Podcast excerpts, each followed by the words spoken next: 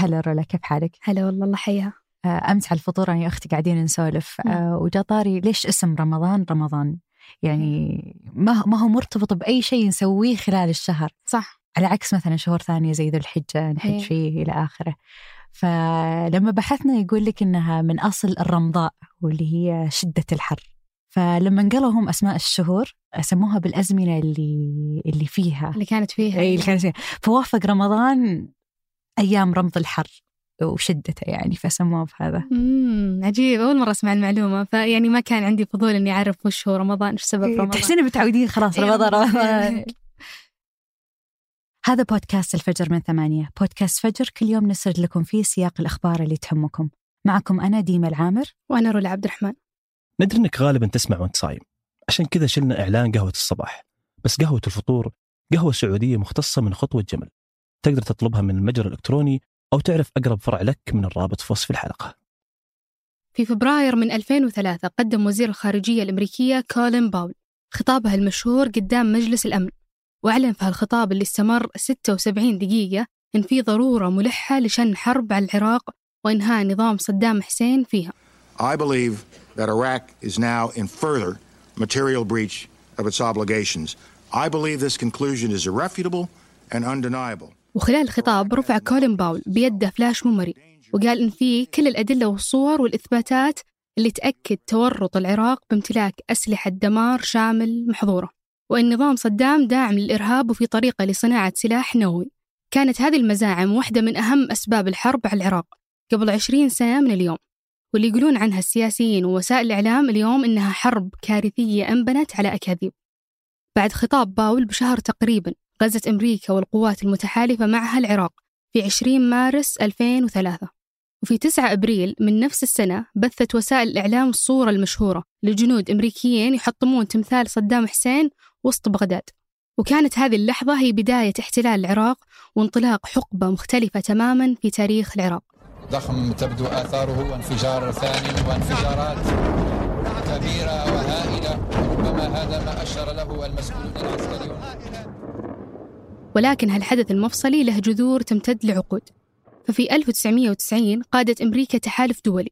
كان الهدف منه إجبار القوات العراقية على الخروج من الكويت بعد ما قرر صدام حسين أنه يغزوها في أغسطس 1990 ومع انسحاب القوات العراقية بضغط من ضربات التحالف أصدر مجلس الأمن التابع للأمم المتحدة القرار رقم 687 وهو القرار اللي ألزم العراق أنه يتخلى عن كل أسلحة الدمار الشامل اللي عنده.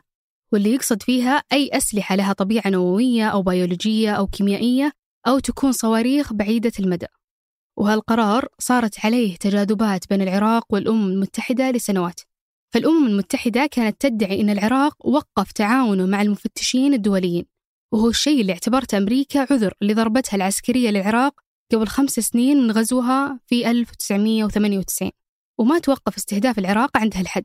فأثناء الحرب الأمريكية على أفغانستان بعد هجمات 11 سبتمبر 2001 وصف الرئيس الأمريكي جورج دبليو بوش العراق بأنه جزء من محور الشر بالإضافة لدول ثانية منها إيران وكوريا الشمالية.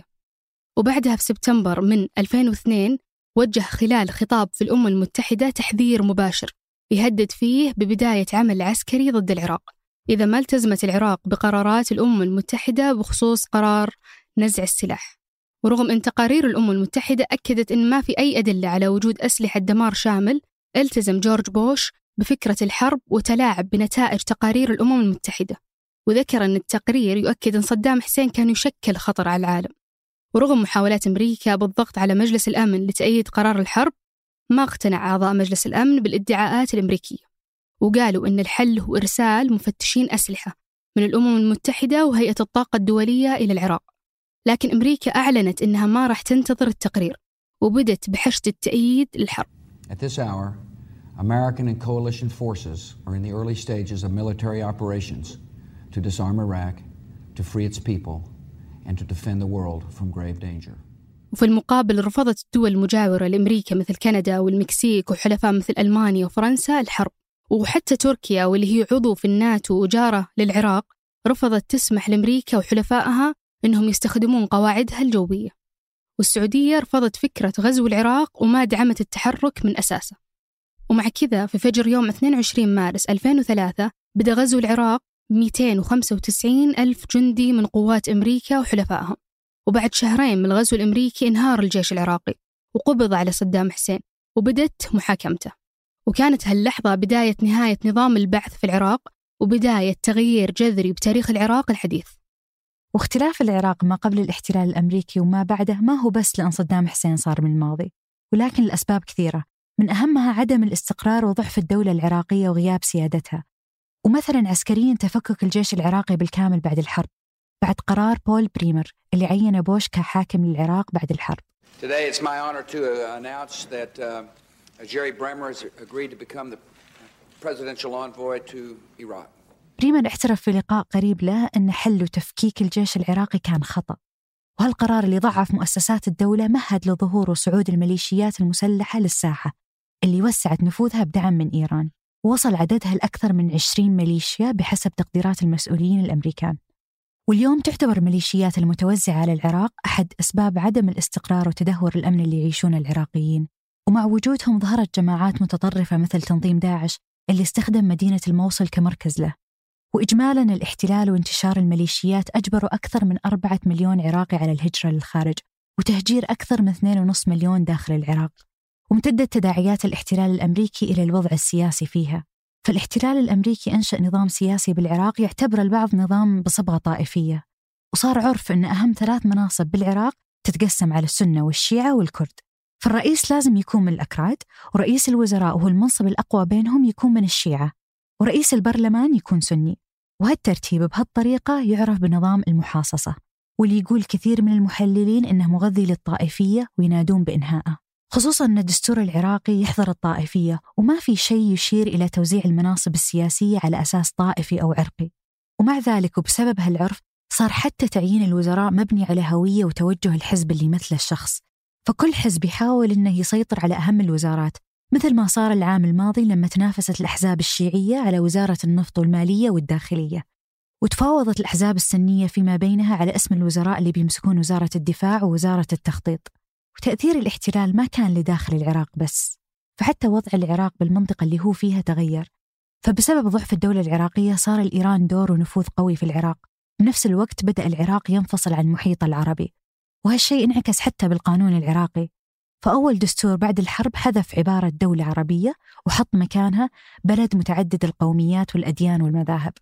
وزاد بفترة ما بعد الحرب نفوذ الميليشيات المسلحة اللي تدعمها إيران وهو اللي خلى كثير من دول الخليج تتردد في الاستثمار بالعراق.